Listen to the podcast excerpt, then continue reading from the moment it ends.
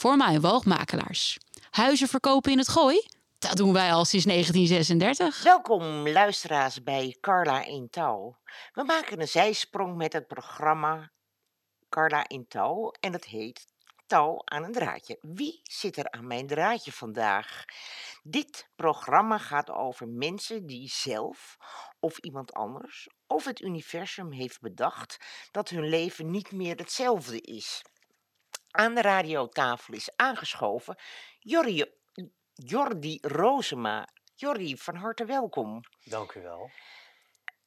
Wat is jou overkomen?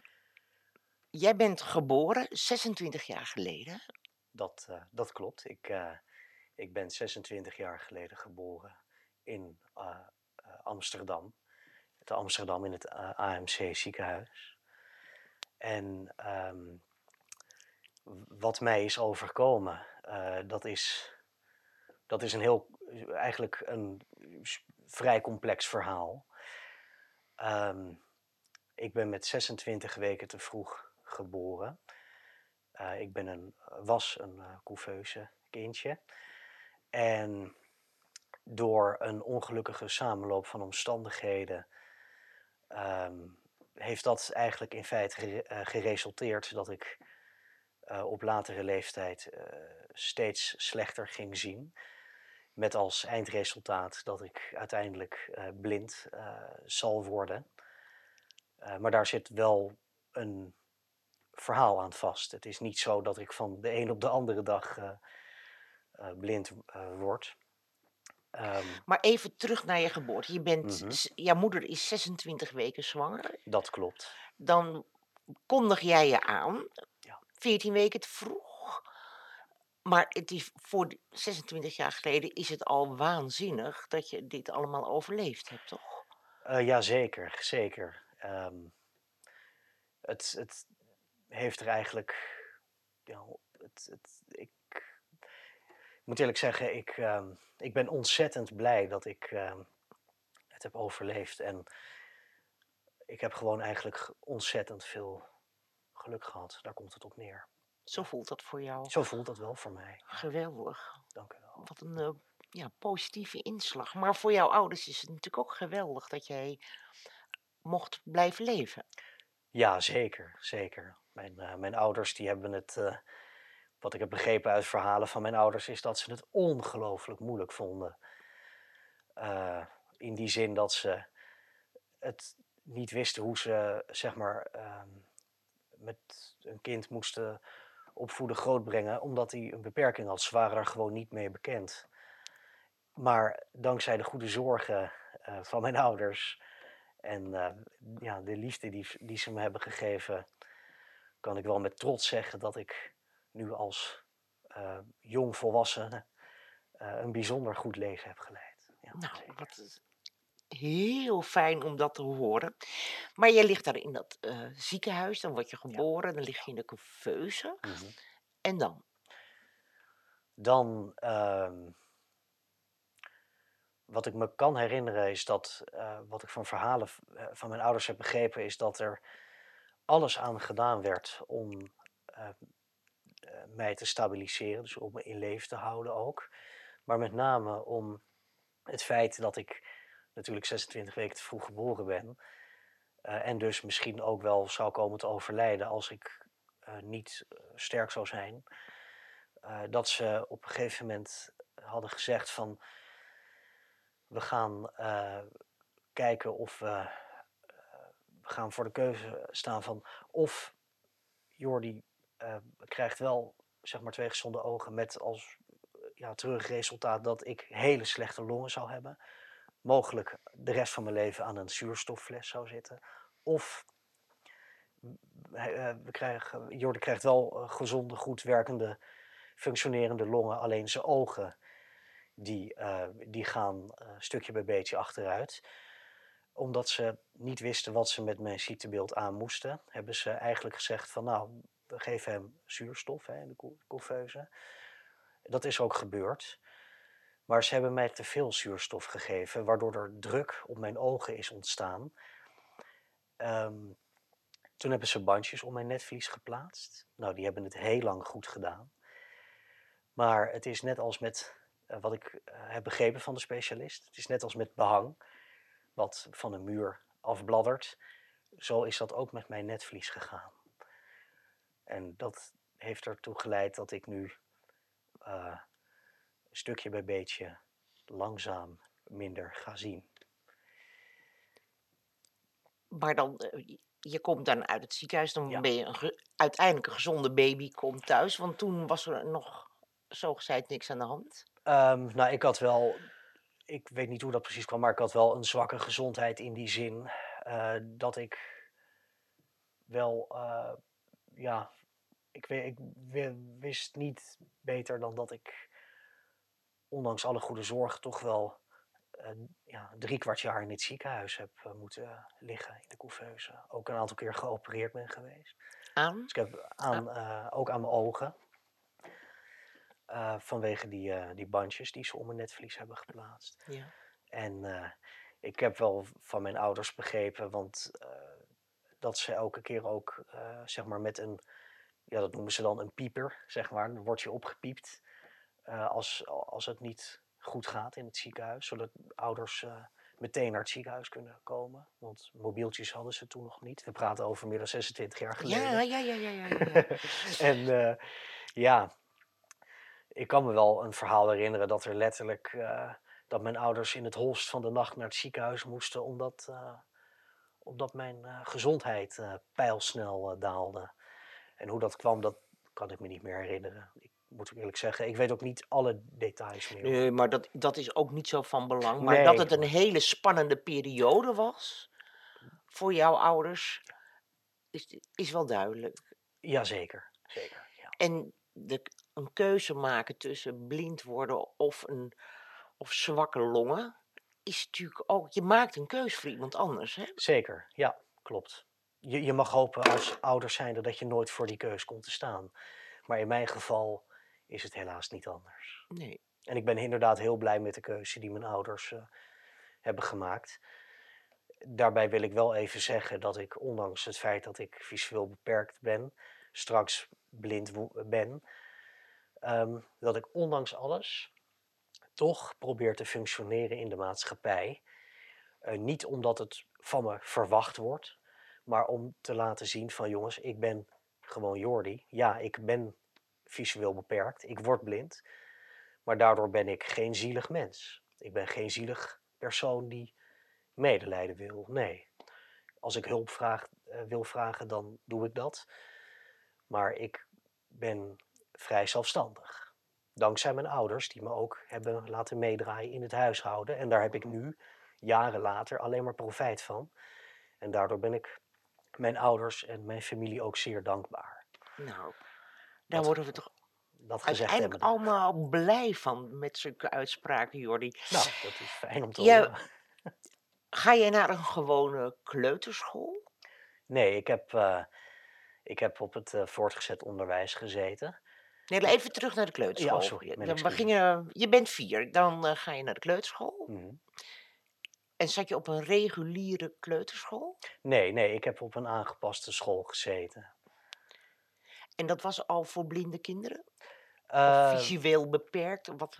Nou, nee, uh, dat was voor, uh, voor ja, me mensen met visuele beperking en blinde mensen. Um, ik moet eerlijk zeggen, het fijne weet ik er niet van, want dat is natuurlijk wel vrij lang geleden. Maar ik heb wel op een ja, aangepaste kleuterschool gezeten, ja. ja. Met, met heel veel praktijkdingen, hè, dus weinig uit de boekjes, maar gewoon heel veel dingen doen. Dus praktijkervaring opbouwen, zeg maar. En hoeveel zag je als kleuter? Nou, ik kan met uh, aan zekerheid grenzende waarschijnlijkheid stellen dat het veel meer is dan dat ik nu zie. ja, ja. Dus het, uh, je weet wat kleuren zijn bijvoorbeeld? Ja, dat klopt. Ja, zeker. Omdat, omdat um, ik uh, vroeger voor mijn doen net zo kon zien als ieder ander. Maar dat was ook omdat, mijn, eh, eh, omdat het netvlies nog goed was, intact was. Dat was voordat het achteruit ging, mijn zicht. Ja, want op welke leeftijd ging het dan achteruit? Op welke leeftijd het achteruit kon, dat kan ik niet zeggen. Ehm, wat ik wel kan zeggen, is dat ik wel een indicatie kan geven, is dat het nou tussen de vijf en tien jaar. Maar dat is een grove schatting hoor. Het is al weer een tijdje geleden dat ik eh, merkte dat het achteruit ging. Oké. Okay. Jordi, we gaan even over naar een stukje muziek. Road to Nowhere van de Talking Heads.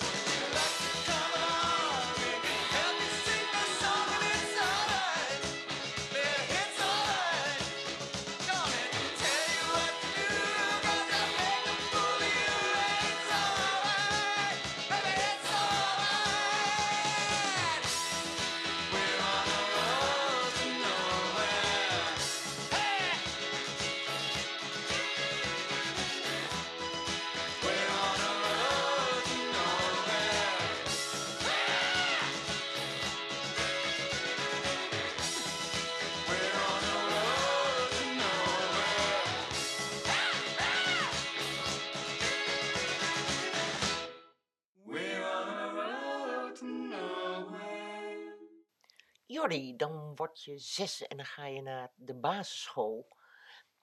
Is dat, was dat ook een, een school met een visuele beperking? Uh?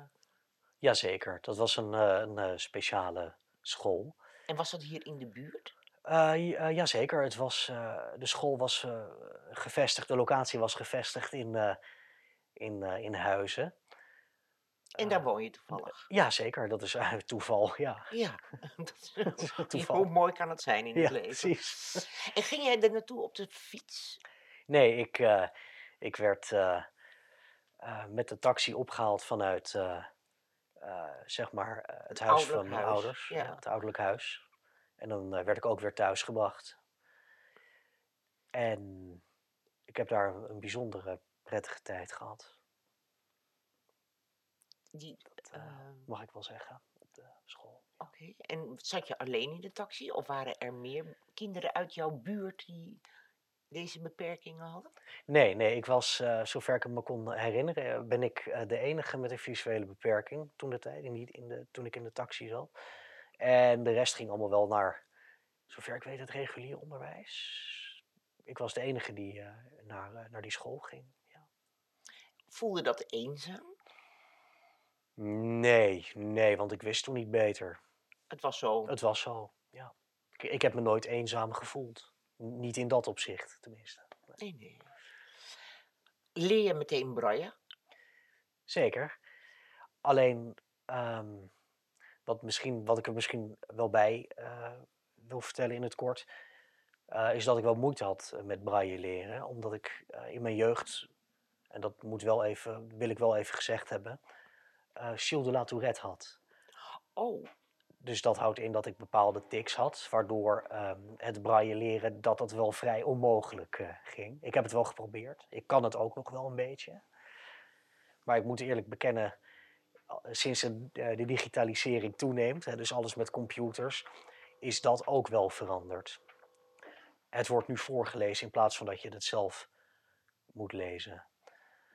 En, ja, ja. eh, De, de, eh, de, je, de storytel is jou niet onbekend. Nee, dat is mij niet onbekend. Alleen ik moet wel eerlijk bekennen, ik hou er wel van om gewoon een CD in mijn handen te hebben. eh, of een LP in mijn handen te hebben. En ehm, de stereo eh, te bedienen, de geluidsinstallatie te bedienen. Zodat ik eh, zeg maar voel wat ik doe. Je voelt wat je gaat Ja, horen. ja, Ja, hè, zo is hem. ja. En dat, je hebt dat liever in de hand dan dat je op play drukt en zie maar waar het schip strandt. Eh, dat klopt, dat klopt, zeker. En eh, ik moet eerlijk, daarin ook eerlijk bekennen, ik gebruik ook geen Spotify. Ik heb een prachtige kast vol vinyl en een platenspeler. Ja, dat heeft toch wel mijn voorkeur uiteindelijk. Oké. Maar hoe ga je dan de ene plaat van de andere plaat eh, onderscheiden? Door alles op categorische volgorde te, te leggen, te zetten, te plaatsen. Op ja, alfabetische volgorde. En ik heb eh, vrij recent mijn eh, eh, LP's, platen uitgezocht. En dat moest ook tijdens de verhuizing. En ik heb alleen maar de LP's in de kast staan die ik graag luister. En meer heb ik ook niet nodig. Dus, Daar heb je genoeg aan. ja, zeker. En de radio?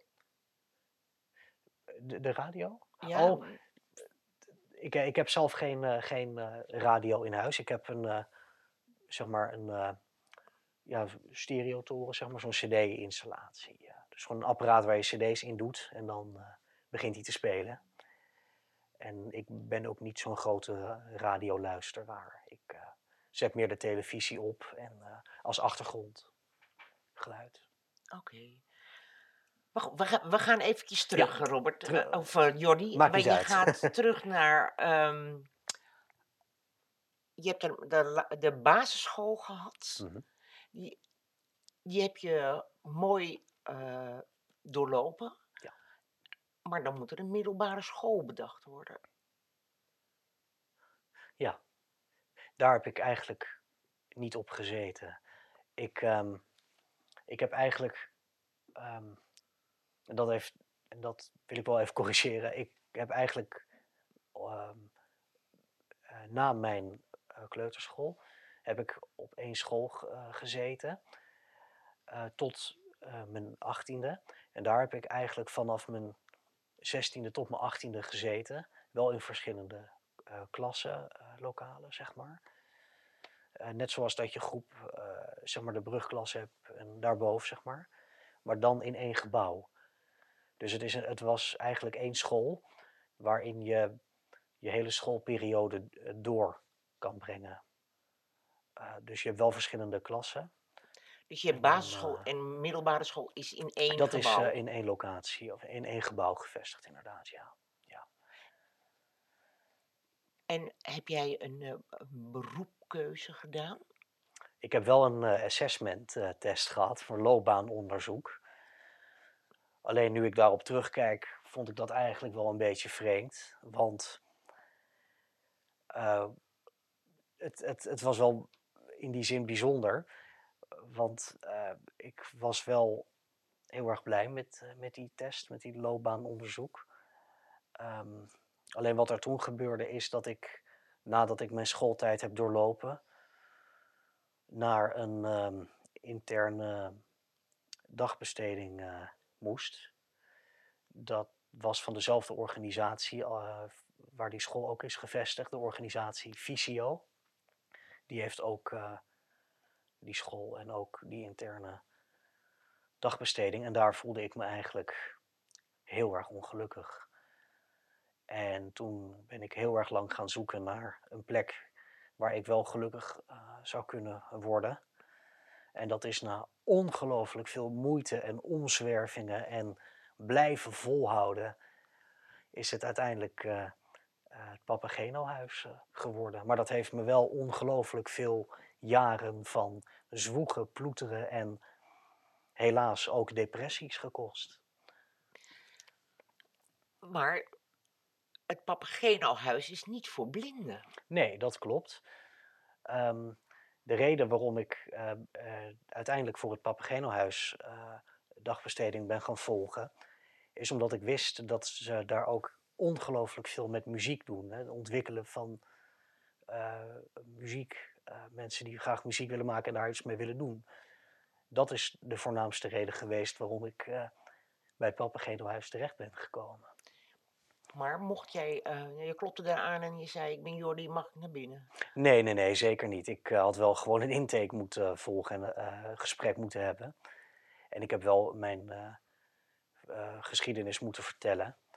En ook moeten vertellen dat ik heel veel dagbesteding heb eh, geprobeerd eh, te volgen. Maar dat dat door eh, omstandigheden dat dat gewoon niet ging. En ehm, toen, ja, met een soort, soort motivatiebrief was het niet. Maar ik heb wel moeten uitleggen eh, waarom ik hier graag zou willen, eh, dagbesteding zou willen volgen. En wat mijn beweegredenen zijn geweest. En terecht, hè? want ze kunnen toch niet, ze hebben denk ik heel veel aanmeldingen. Dat klopt. En het worden er alleen maar meer, heb ik het idee. Nou zit het, het was het Papageno-huis in Laren, neem ik aan. Dat is juist. Ja, Ja, intussen zijn er meer Papageno-huizen, heb ik begrepen. dat klopt. Maar jij hebt in Laren gezeten, dat was alleen op de dag. Dat was echt dagbesteding. Dat klopt. Nou moet ik eerlijk zeggen, ik vermijd het, het, ja, het is wel ja, officieel, officieel heet het dagbesteding. Maar ik vermijd het woordje dagbesteding, omdat ik het meer als mijn werk zie. Kijk, ik word er niet voor betaald. Ik eh, doe daar verschillende activiteiten. Maar ik vind het door al die helaas negatieve ervaringen die ik heb opgedaan, vermijd ik eh, het woord dagbesteding. Net zoals het woord cliënt. Ik vind cliënt vind ik gewoon. eh, dat vind ik te afstandelijk. Het heeft niks persoonlijks. Het, eh, net zoals cliënt van een woongroep of een woonvoorziening. Nou, ik zie mezelf niet als cliënt. Ik ben een bewoner van het pand. En ik vind, eh, ja, cliënt. Daar gaan we zo eh, even op terugkomen. We gaan nog even een stukje muziek luisteren. Ja, dat is prima. I'll Save the Day van Roberto Giacchetti en de Scooters. Nou, ik ben reuze benieuwd.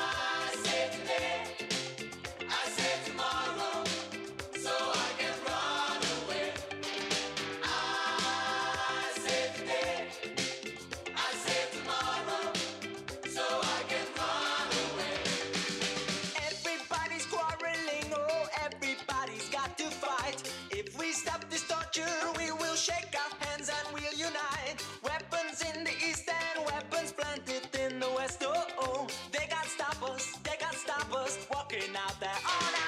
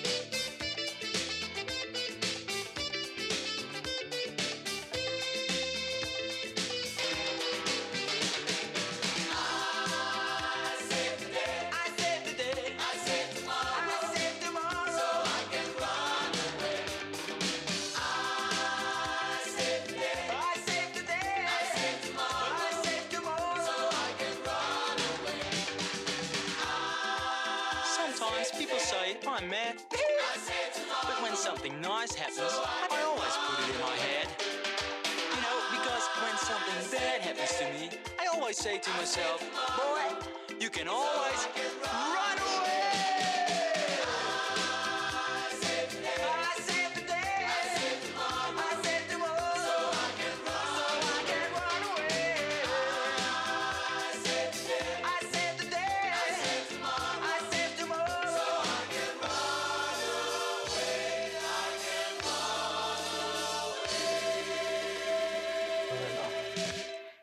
Het Papageno-huis, Jordi.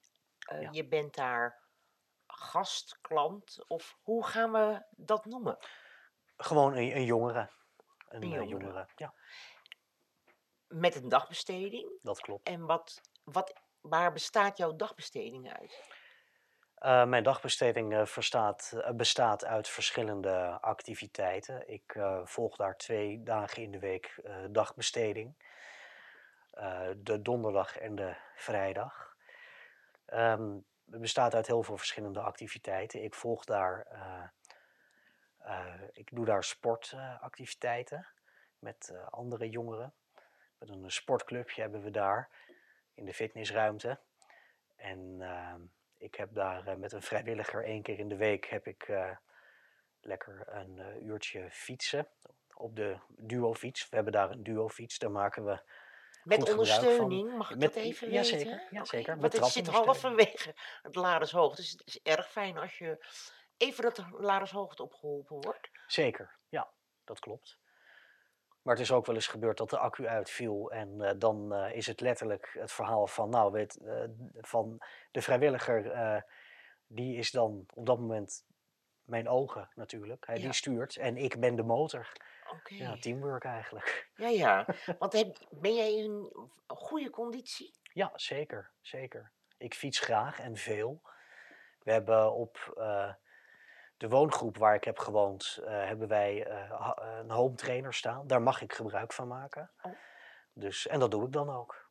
En eh, Dat doe je goed. dank u wel. En die home trainer, heb je dan niet de behoefte om dat ding buiten te zetten, dat je een beetje het gevoel krijgt dat je in de natuur fietst? Nou, dan kan ik net zo goed de duofiets gaan gebruiken. Maar dan heb je altijd iemand nodig. Ja, dat is wel waar, helaas. Ja. Maar nog, nog heel even naar dat papagenehuis. Daar, want je, je vertelde dat je Jules de La Tourette had. Dat klopt.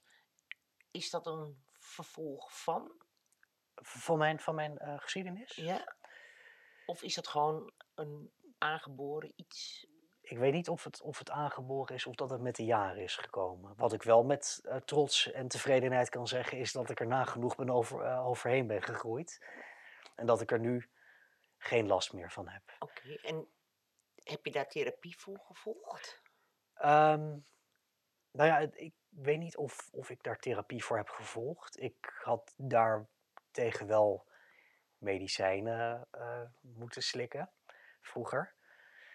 Ehm, maar dat had eigenlijk geen effect. En ehm, het droeg er wel aan bij, die Jules de la Tourette, dat ik eh, soms wel ernstige ja, migraineaanvallen had.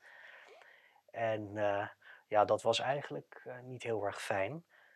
Maar ook daar ben ik overheen gegroeid. Zowel over die migraine als die Gilles de la Tourette. Dus dat heb je allemaal achter je gelaten. Dat heb ik allemaal achter me gelaten. En En ben je nu nog afhankelijk van medicijnen? nee, helemaal niet. Zo, Nee. Gewoon volkomen gezond. Volkomen gezond. Ja, gewoon een gezonde jonge vent, inderdaad. Ja, heerlijk. ja dank u Dan- wel.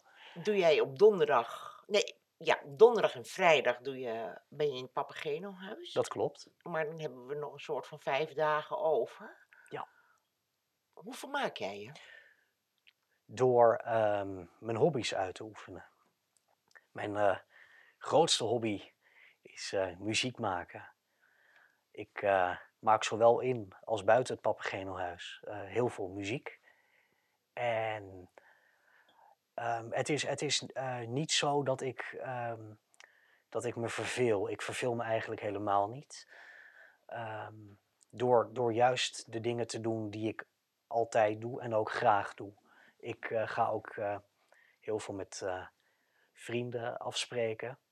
Ik eh, heb een eh, hele gezellige buurman en een hele gezellige buurvrouw bij wie ik geregeld op de koffie kom.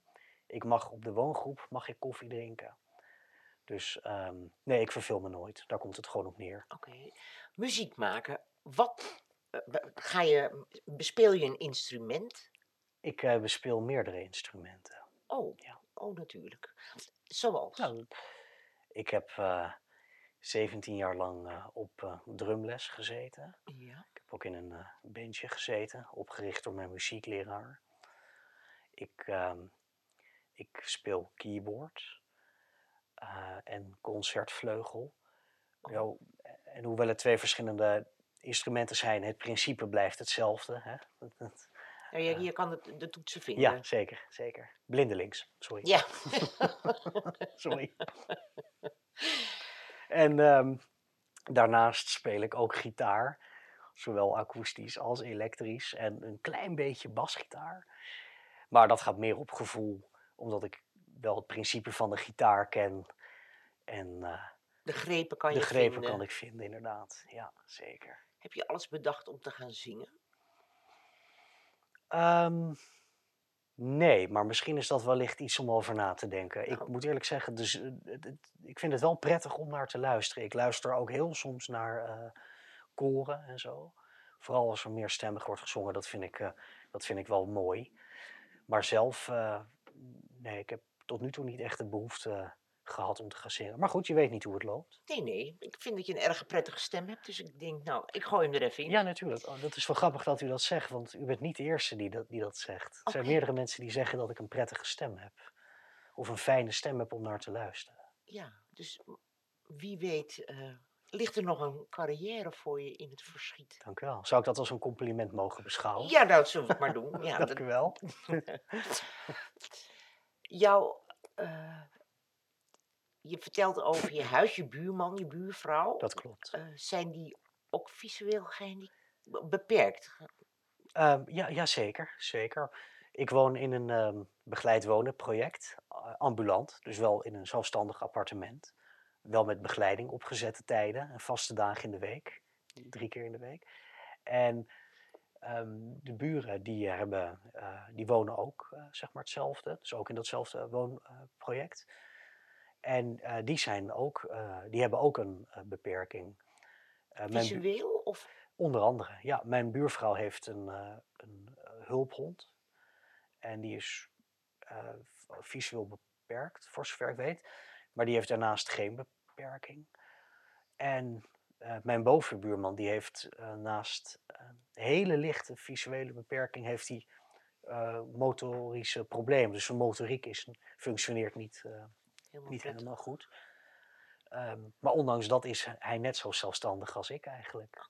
Dus, eh, En een hulphond, zou dat voor jou een oplossing zijn? nou, ik heb er wel eens over nagedacht. Ik was vroeger helemaal, eh, eh, helemaal gek van de geleidehonden.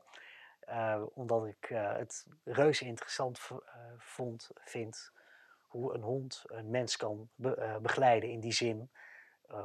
En het is natuurlijk ook een stukje vrijheid wat je krijgt. Zo.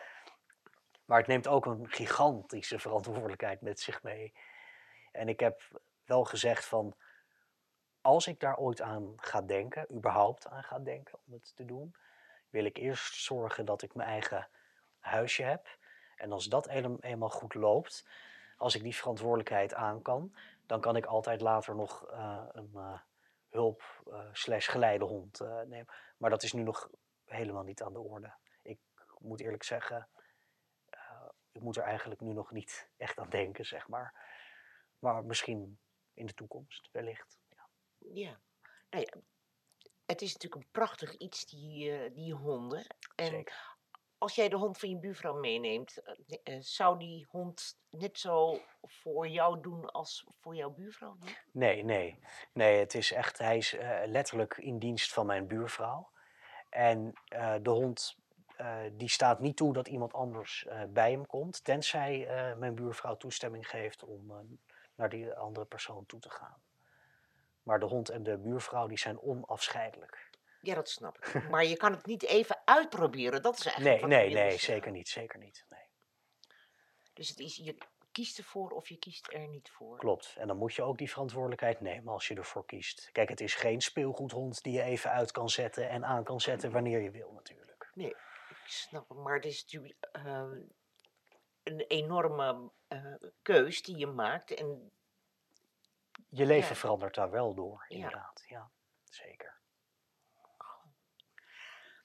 we gaan nog even een stukje muziek luisteren. Bird of Paradise van Snowy White.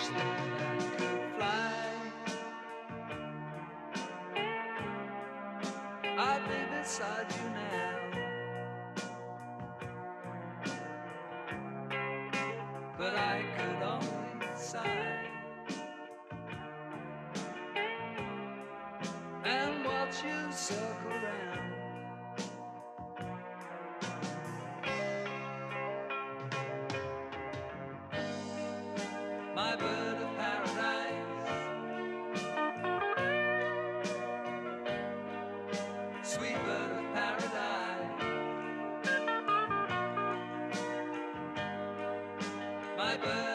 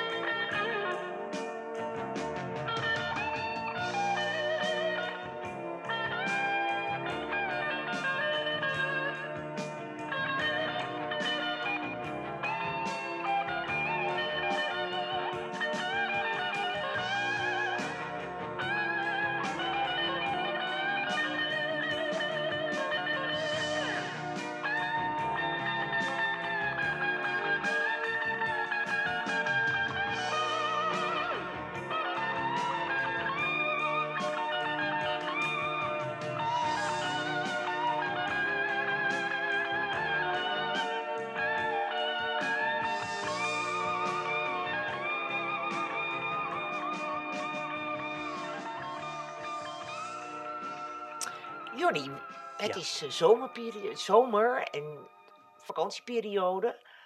Eh, wat zijn jouw favoriete vakanties? Mijn favoriete vakanties?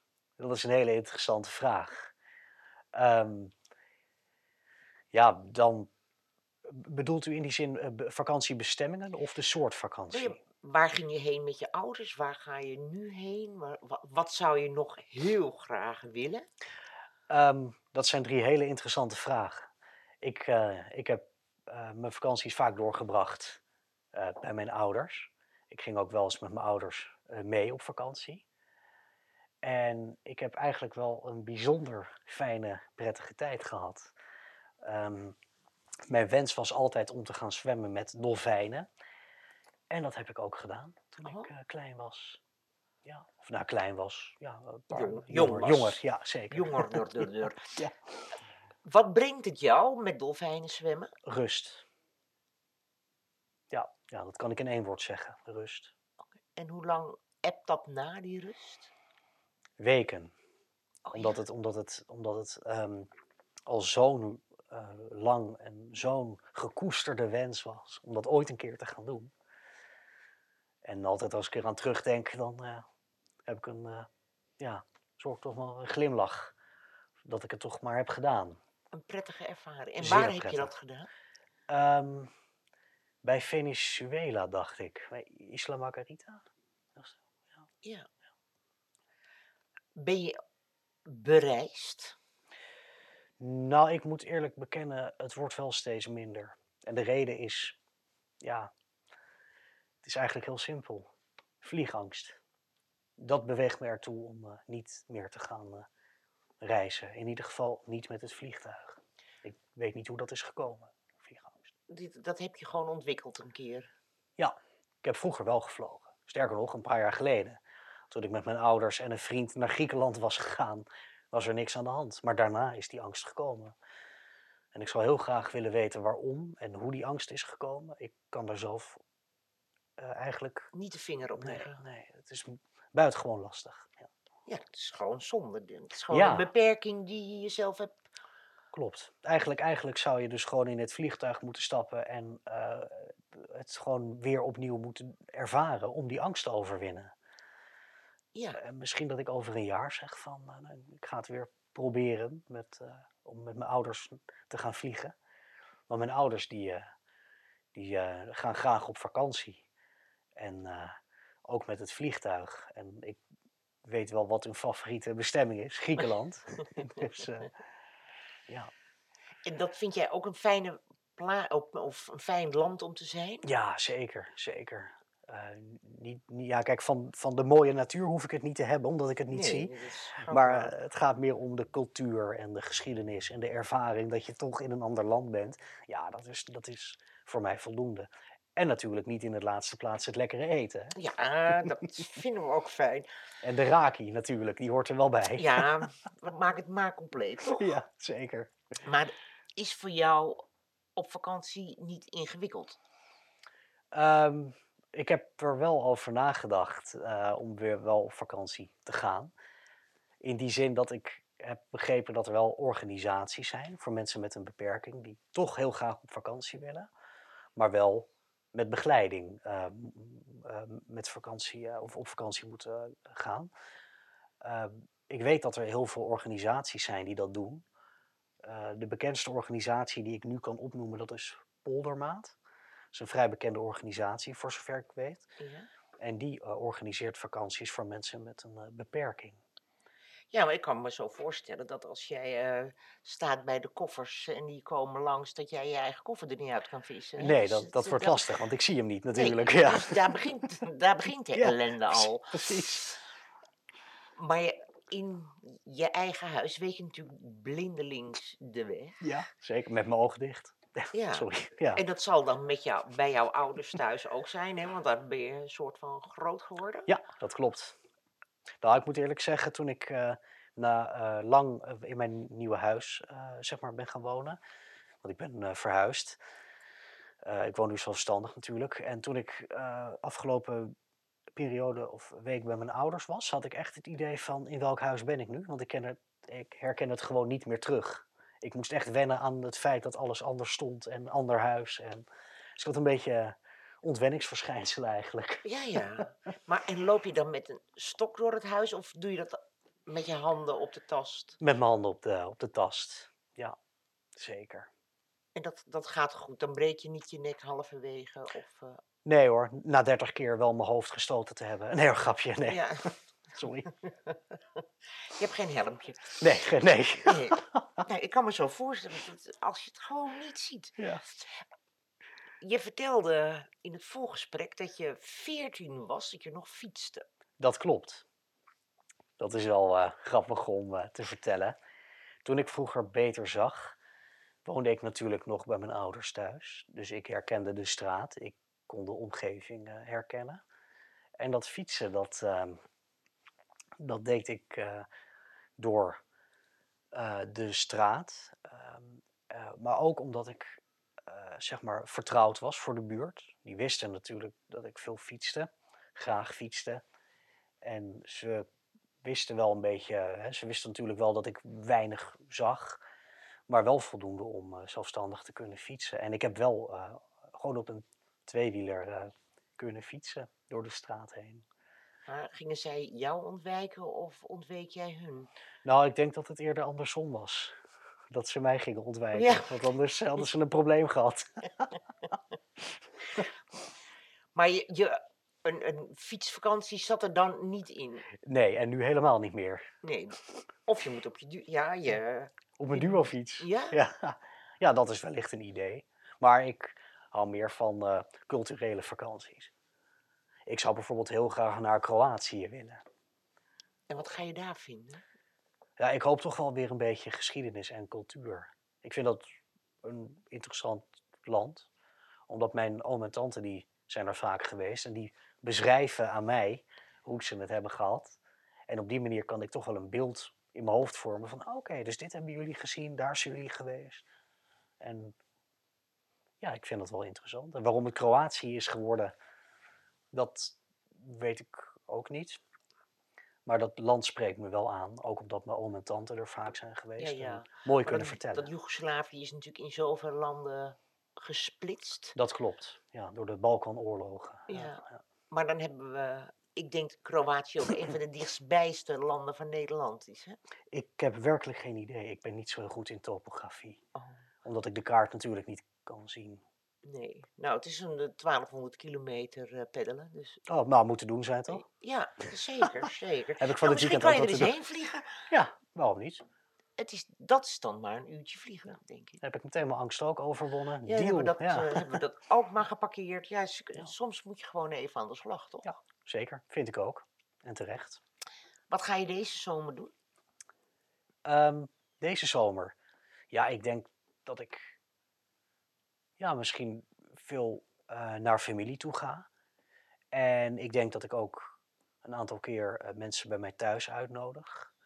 Ik denk dat ik het deze zomer eh, wel toch rustig aan ga doen. En wellicht volgend jaar is er een kans dat ik zeg van nou, ik heb weer zin om toch ergens naartoe te gaan naar het buitenland op vakantie. Desnoods met het vliegtuig. Ja, nee, Dat ik het maar niet. dan toch de knoop moet doorhakken Ja. van... Grote jongen zijn en ja, precies. Gewoon die angst overwinnen, schouders eronder. Ehm, heb jij recht op een WMO-taxi? Ja, zeker. Dus jij gaat met een WMO-taxi naar de Papageno-huizen? Ehm, nee, ze hebben eigen vervoer. Ik heb een eh, vervoersindicatie. En dat wordt geregeld vanuit de gemeente. Ja. En eh, er komt een eh, chauffeur die haalt en brengt mij van en naar dagbesteding, werk. Dat is iedere keer dezelfde, of in ieder geval ieder, eh, Eh, ja, meestal wel. Eh, maar eh, de donderdag is het een vrijwilliger die, die de taak van de chauffeur overneemt. Of de chauffeuse overneemt. En de vrijdag heb ik gewoon een chauffeur of chauffeuse van het Papageno-huis zelf. Die vervoert. Oké, dus die rijdt de hele dag maar mensen heen en weer. En... Eh, ja, zeker. Zeker, ja. Nou, soms ook niet hoor. Soms eh, komt hij ook lunchen in het eh Papageno-huis zelf. We hebben er een prachtige horeca-gelegenheid. Zo, dat hebben jullie ja Dus, zeker. Ja. ja. En een heerlijk terras. Zeker. Daar ben ik wel vaak te vinden als het mooi weer is. Vrijdag, lekker lunchen met collega's buiten. Ja. Oké, nou misschien schuif ik een keer aan, Jordi. Nou, u bent van harte welkom. Ik mag je hartelijk bedanken voor dit eh, fantastische gesprek. Zou jij nog iets kwijt willen? Je zegt, nou, weet je, ik wil aan Nederlanders of gewoon aan de wereld vertellen met mensen met een visuele beperking moet je. Ehm, nou, het enige wat ik op dit moment kan zeggen is dat ik het een eer vind eh, om dit interview eh, te mogen geven. En ik eh, ja, zou voor nu met, eh, tegen mensen met een eh, beperking eh, willen zeggen: wees gewoon jezelf. Ehm, vraag hulp als het nodig is. En ehm, probeer, ondanks de enorm zware tegenslagen, die er zeker zullen zijn, altijd kalm en vol vertrouwen en met goede moed positief te blijven en te zijn. En mensen staan niet alleen. Er is altijd hulp of eh, een naaste die bereid is om te helpen. En ik probeer op die manier een, toch een hart onder de riem te kunnen steken. En dat is de reden waarom ik dit interview eh, heb gegeven. Om mensen toch de positieve kanten te kunnen laten zien. Jordi, hartelijk bedankt voor deze prachtige woorden. Ik denk dat het voor visueel beperkte en visueel niet beperkte mensen geldt. Mag ik je hartelijk bedanken. Insgelijks. Dank u wel voor dit interview.